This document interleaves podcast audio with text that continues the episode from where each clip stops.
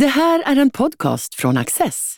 Du hittar fler av våra program på access.se och på Youtube. Mycket nöje!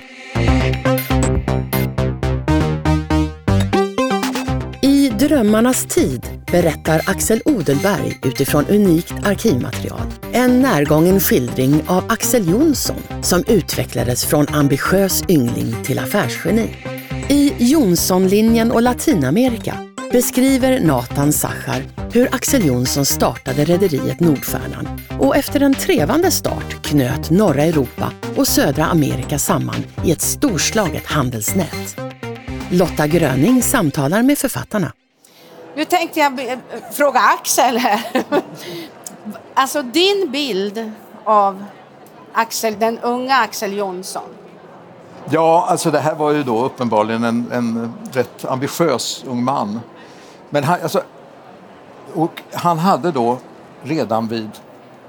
Han, började, han fick sluta skolan vid 12 års ålder, vilket nog inte var planerat utan det hade att göra med händelser i familjen. Eh, hans mamma fick helt enkelt ett eh, barn som utan, utan registrerad far och hans syster fick också ett barn med en registrerad far men utan giftermål. Så det här måste ha varit lite av en skandal i det frireligiösa Jönköping vid denna tid. Nå, Eh, han fick då sluta skolan mitt i termin. Och så fick han börja som bodbiträde i en bod, Ahlstrands bod i Jönköping. Eh, och sen har jag då hittat, från nästa år när han var 13 år gammal, så finns det då en bok som han har skrivit sin vackra signatur på eh, som hette som var en bok om självstudier i bokföring. Skriven av en man som heter Per Götrek som de flesta förmodligen inte vet vem det var idag men han var en gång i tiden känd som det kommunistiska manifestets översättare till svenska. Så att här skaffade, skaffade sig då Axel Jonsson en, en, en kompetens som man måste säga är hans första fotfäste på vägen mot det han skulle bli, nämligen en av Sveriges främsta entreprenörer i sena 1800-talet. Och en av Sveriges rikaste män eh, så småningom och med redare, eh, ägare till stålverk och ägare till en stor handelsfirma som fort, och både, både rederiet och handelsfirman lever alltjämt eh, idag. Alltså, eh, den här, det heter nu, handelsfirman heter idag Axel Jonsson-gruppen, har 25 000 anställda tror jag ungefär. Leds och ägs av Antonia Axelsson Jonsson som är eh, dotter, nej, son, son, dotter till denne Ure Axel så att säga. Sen heter ju alla Axel i fortsättningen. Men hans väg då? Nej, han flyttade till Stockholm? När han hade jobbat på den här boden fram till 17 års ålder ungefär. Då eh, tänkte han, nu ska han göra någonting annat. Eh, så att han lägger en ränsel över axeln och så går han till Stockholm, vandrar enligt familjelegenden det finns tvivel på att det verkligen var så men eh, jag föredrar att hålla fast vid den gamla familjelegenden. Och så kommer han till Stockholm och det gör han i början av 1860-talet. Nämligen vid precis samma tid som Fågelström låter sin huvudperson i Mina drömmars stad komma till Stockholm. Så att de här två personerna och tusentals andra unga eh, landsortsbor går till Stockholm med drömmar om ett bättre liv och en bättre framtid. Och den här mannen var en utav dem. Man kan säga att han var den som fick sina drömmar uppfyllda i högre grad än någon utav de andra. Eh, Axel, Henning Nilsson, Fågelströms person, han dog redan vid 35 års ålder eh, i tbc medan Axel Jonsson vid den tiden eh, redan var välbeställd och rik med familj och villa och var, hade hunnit bli berest och pratade språk och sådär. Men vad hade, hur, hur kom han dit? Vad hade han för... Eh, hur, vad gjorde han? Hur, vad, vad, hur blev han denna rika man? Ja, när han, då, när han då kom till Stockholm så hade han någonting att erbjuda arbetsmarknaden.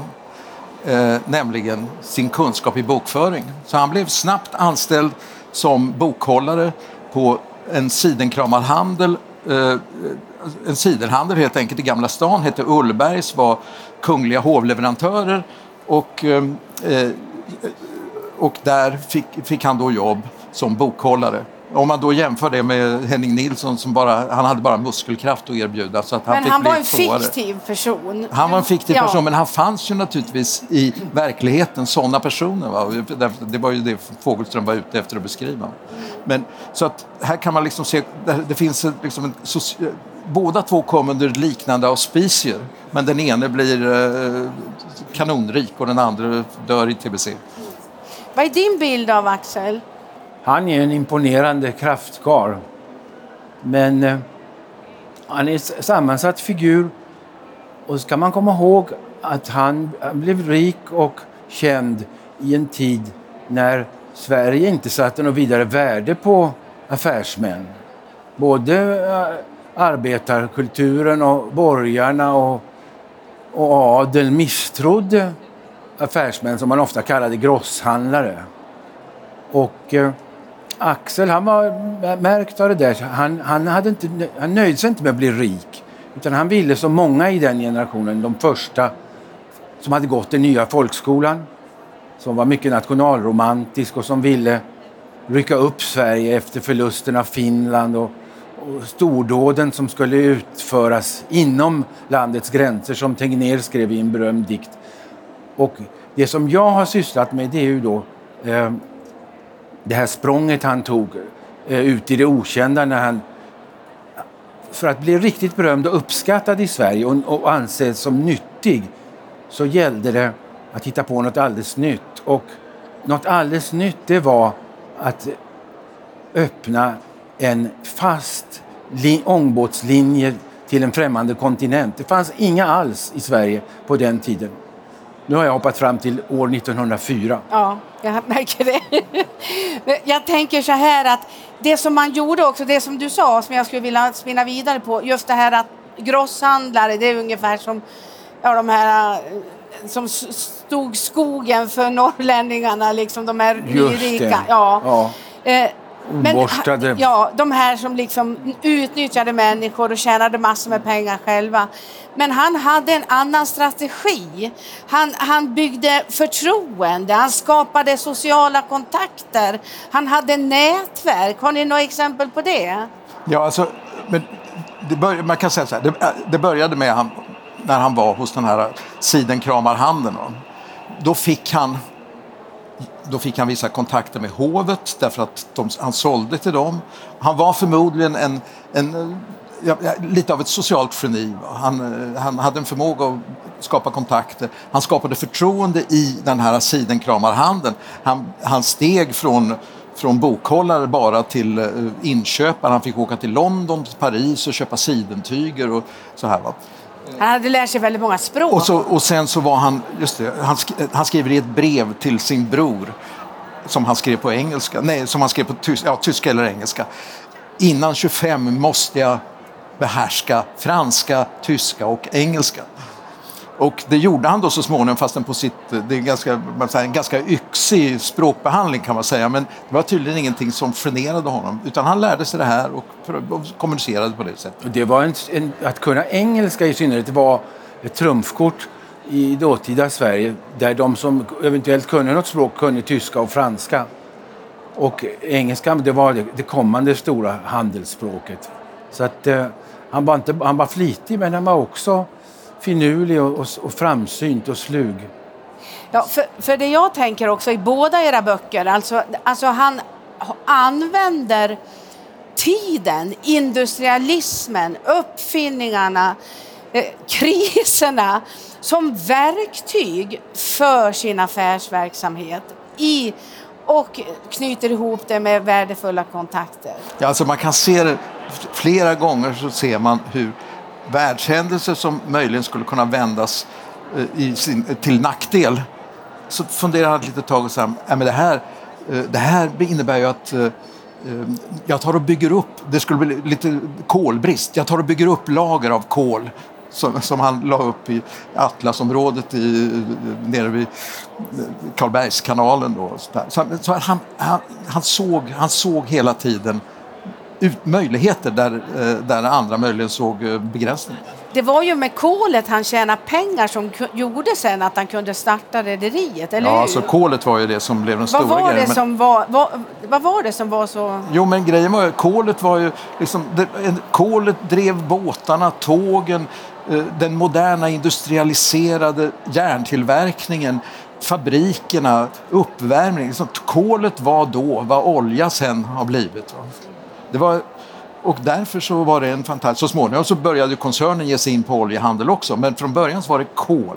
Och kolimport från, från Storbritannien eh, och så, lite, och så importerade han sådana tåghistorier, räls och eh, rallarspadar och annat. Ett skäl till att det var... Varför skulle man importera kol och koks till Sverige som var fullt av ved? Jo, därför att Sverige kunde tjäna på att exportera virket när Europas stora städer växte. Det här var ju stick i stäv med de gamla svenska protektionistiska idéerna. Att man skulle inte ha någon världs... Sverige var ju oerhört handelsfientligt. Det var ju tariffer på allting. Så att, eh, till exempel när, när Axel Jonsson började segla på Latinamerika så kunde han inte ta hem de varor som det verkligen hade varit affär att ta hem, nämligen vete och kött från Argentina.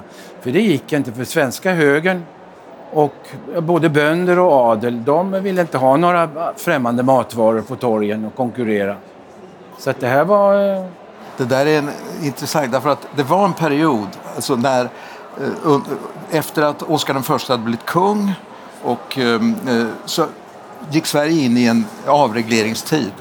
Och man, la ner, alltså man tog bort tullar och sånt här. Va? Men, och det intressanta är här, sen, sen dök protektionismen och merkantilismen dök upp igen.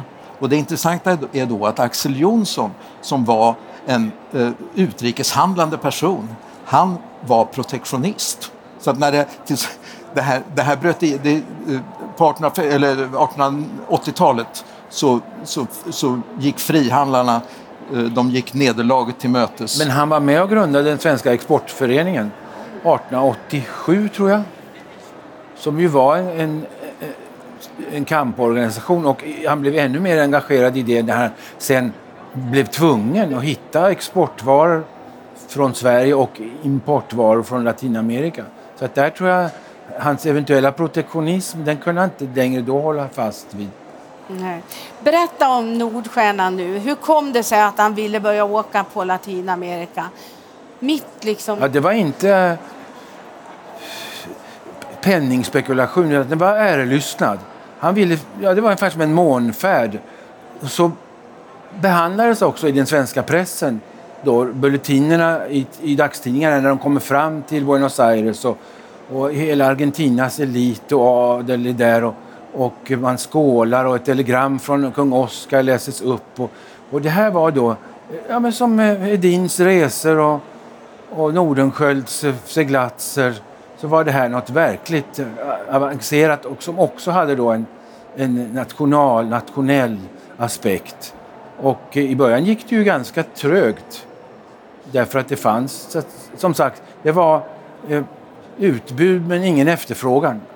Han fick själv, hans agenter i Buenos Aires fick försöka förklara. Det här var ju en tid med stora svenska uppfinningar mjölkmaskiner och telefoner och sånt. Argentina var ju rikt för de sålde mat till Europa. Så att eh, efterhand så, så gick det bättre och bättre.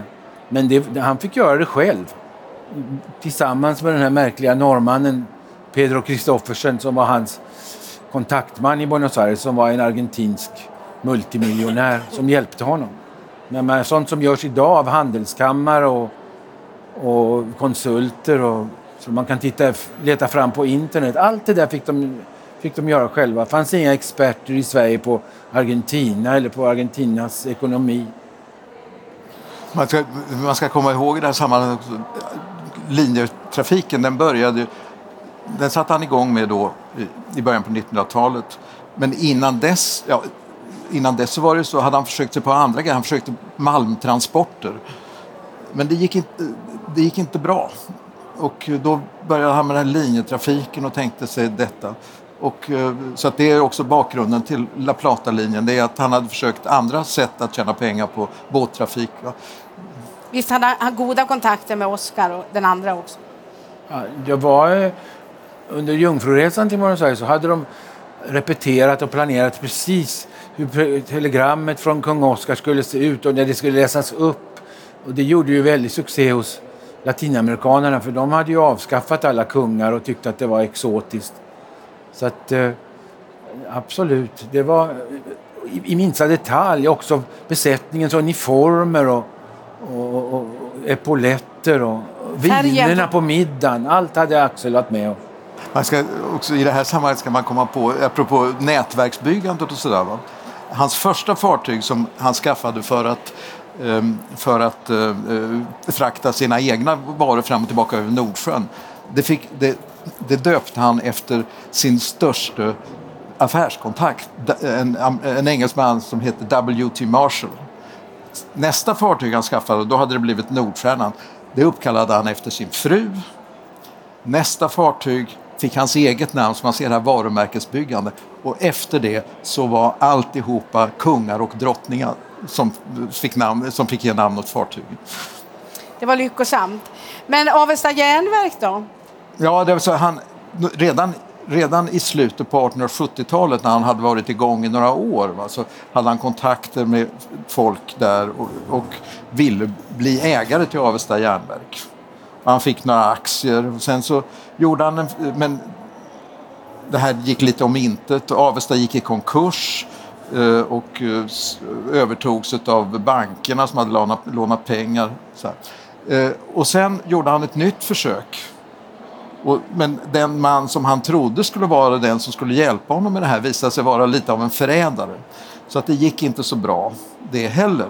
Så gjordes det ytterligare ett försök men det gick inte heller. Så då blev han tvungen att sälja sina aktier.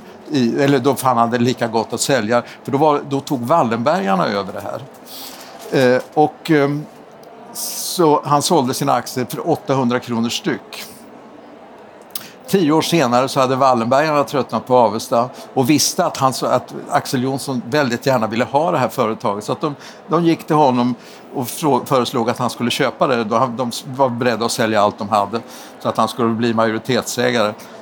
Eh, och det gjorde de och han gick, han gick på det här och köpte tillbaka sina aktier för, som han hade sålt för 800 kronor för 1500 kronor istället senare, hans son, som senare tog över, är den som verkligen drev upp eh, Jonssonlinjen. Eh, han sa att Wallenbergarna lurade skjortan av pappa.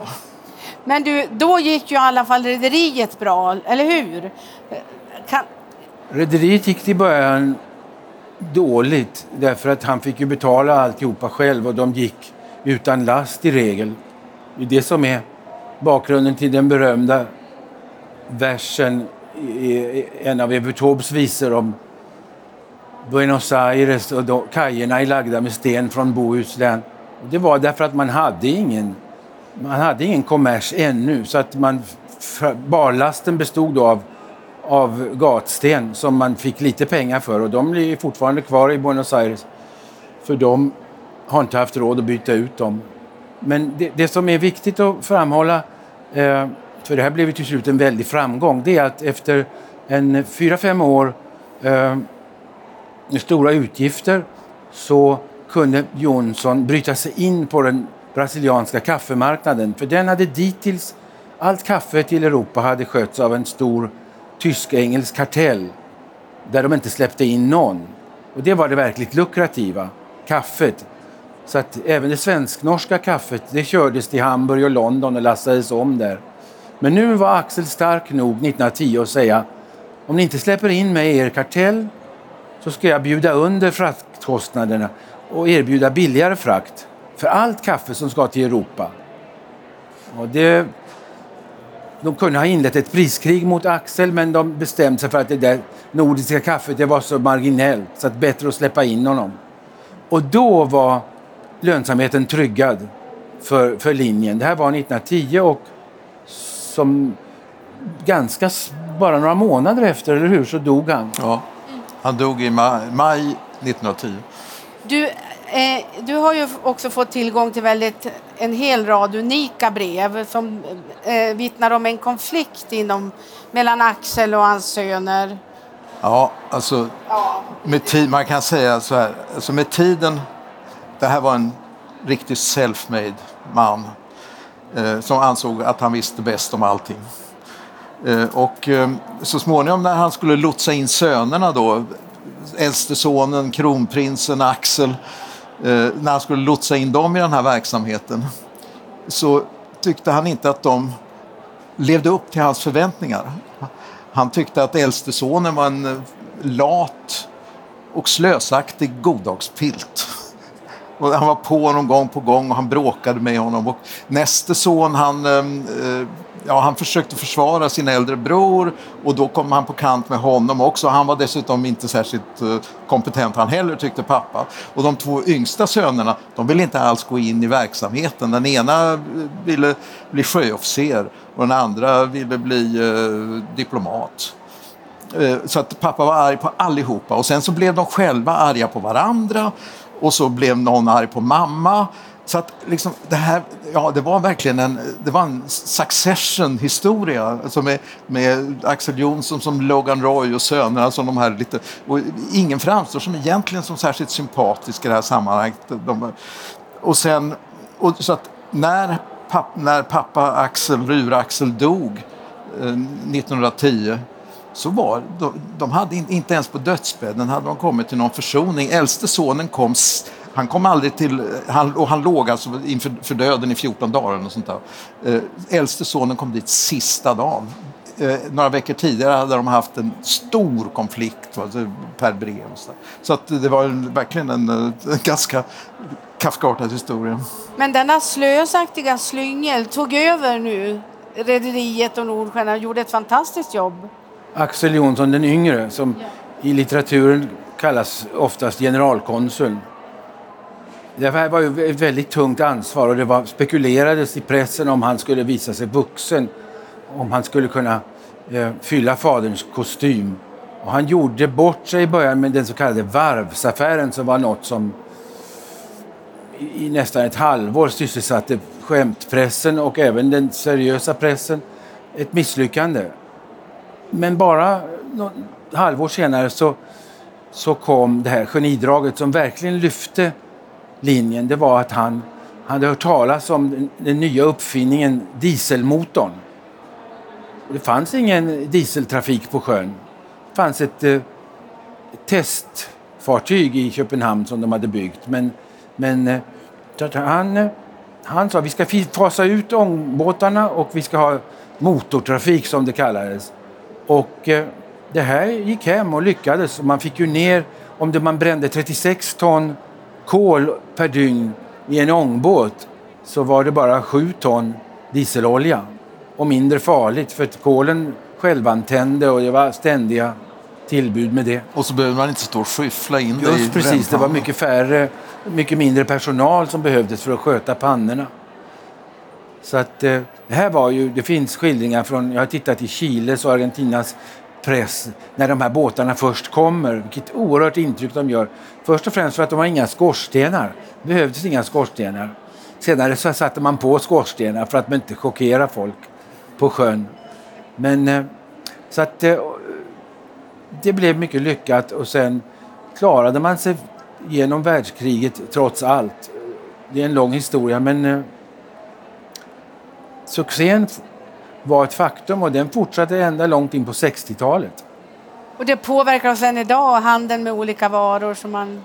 Det var en stor förändring i, i Sveriges vardag, därför, i Sveriges kosthåll och diet med Jonssonfartygen som hade alltså, stora kylrum med all världens frukt.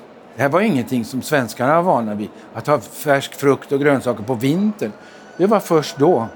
Och så fartygen med Greta Garbo, Evert Taube. Ja, berömda passagerare. Lyx liksom. Och, På de här handelsfartygen hade man också hytter. Det var ju dåtidens stora lyx och prestigeresor. men även Avesta järnverk. Det gick bra med det också ett tag. Ja, det blev väl lönsamt så småningom. Men eh, som sagt, under hela hans livstid, från det han köpte 1905 fram tills han dog, så var det ett bekymmer. Alltså han, han, han satte in en av sina goda vänner som VD och eh, det slutade med att han, försökte, att han ville sparka honom, vilket då var lite traumatiskt. Eh, till slut så fick han ändå stanna kvar men eh, någon lönsamhet fick de inte. Sen såldes det då så småningom på 90, början på 90-talet. Det är ungefär samtidigt som rederiet. Eh, vad arvet efter honom då, Axel Jonsson? Liksom, vad, har, vad har han liksom, mycket pengar lämnade han efter sig givetvis. Han hade skapat en enorm förmögenhet. Den här lilla pojken som gick med ränsle från Jönköping till Stockholm. Ja, alltså han lämnade ju efter sig tre stora företag. Eh, Nordstjärnan, Axel, det som nu idag är Axel Jonsson-gruppen och så Avesta Järnverk som sen såldes då. Eh, så att, eh, idag är det ju en mycket större, alltså det är två olika koncerner kan man säga, men idag är det ju mycket större än vad det en gång var. Och det är lite roligt för Axel Jonsson, den yngre, han vill ju Axel ville ju att han skulle flytta till Avesta och det ville han ju absolut inte. Till den där hårdan kan man väl inte komma. Det var en del i konflikten. Han, istället så satte han upp ett stålverk i Buenos Aires och eh, satsade jättemycket energi på att omvända argentinarna till rostfria diskbänkar. Så, så, att det är ett land där man som i Sverige har rostfria diskbänkar. De kallades då på sin tid för un Johnson, alltså en Jonsson. Som man, som man, eh, och det slog igenom. Eh, det inte, tillhör inte längre Jonssons men, men fabriken finns kvar. En funkisbyggnad söder om Buenos Aires. De satte ju upp en massa saker, hela svenska innan det blev en ordentlig diplomati så Svenska föreningen, Svenska kyrkan, änkor och faderlösa, sjömanshem, alla lite äldre personer i Buenos Aires känner till Jonsson. Än idag. Han gjorde väldigt mycket där. Ja. ja. Och så har vi, och så har vi fotbollslaget eh, Boca Junior. Ja, den berömda historien som väl kanske är sann. Det får du berätta. Ja, som, men eh, där det påstås att när man skulle välja färger till den här fot, äh, fotbollsföreningen så skulle man göra det efter flaggan på det första fartyg som kom in och det råkade vara ett Jonsson-fartyg så därför så fick Boca Junior gult och blått i. Boca Juniors är en av Buenos Aires storklubbar där Maradona spelade. Maradona spelade där, ja. Ja, det ser man. Hörrni, tusen tack. Tack själv. Tack ska ni ha.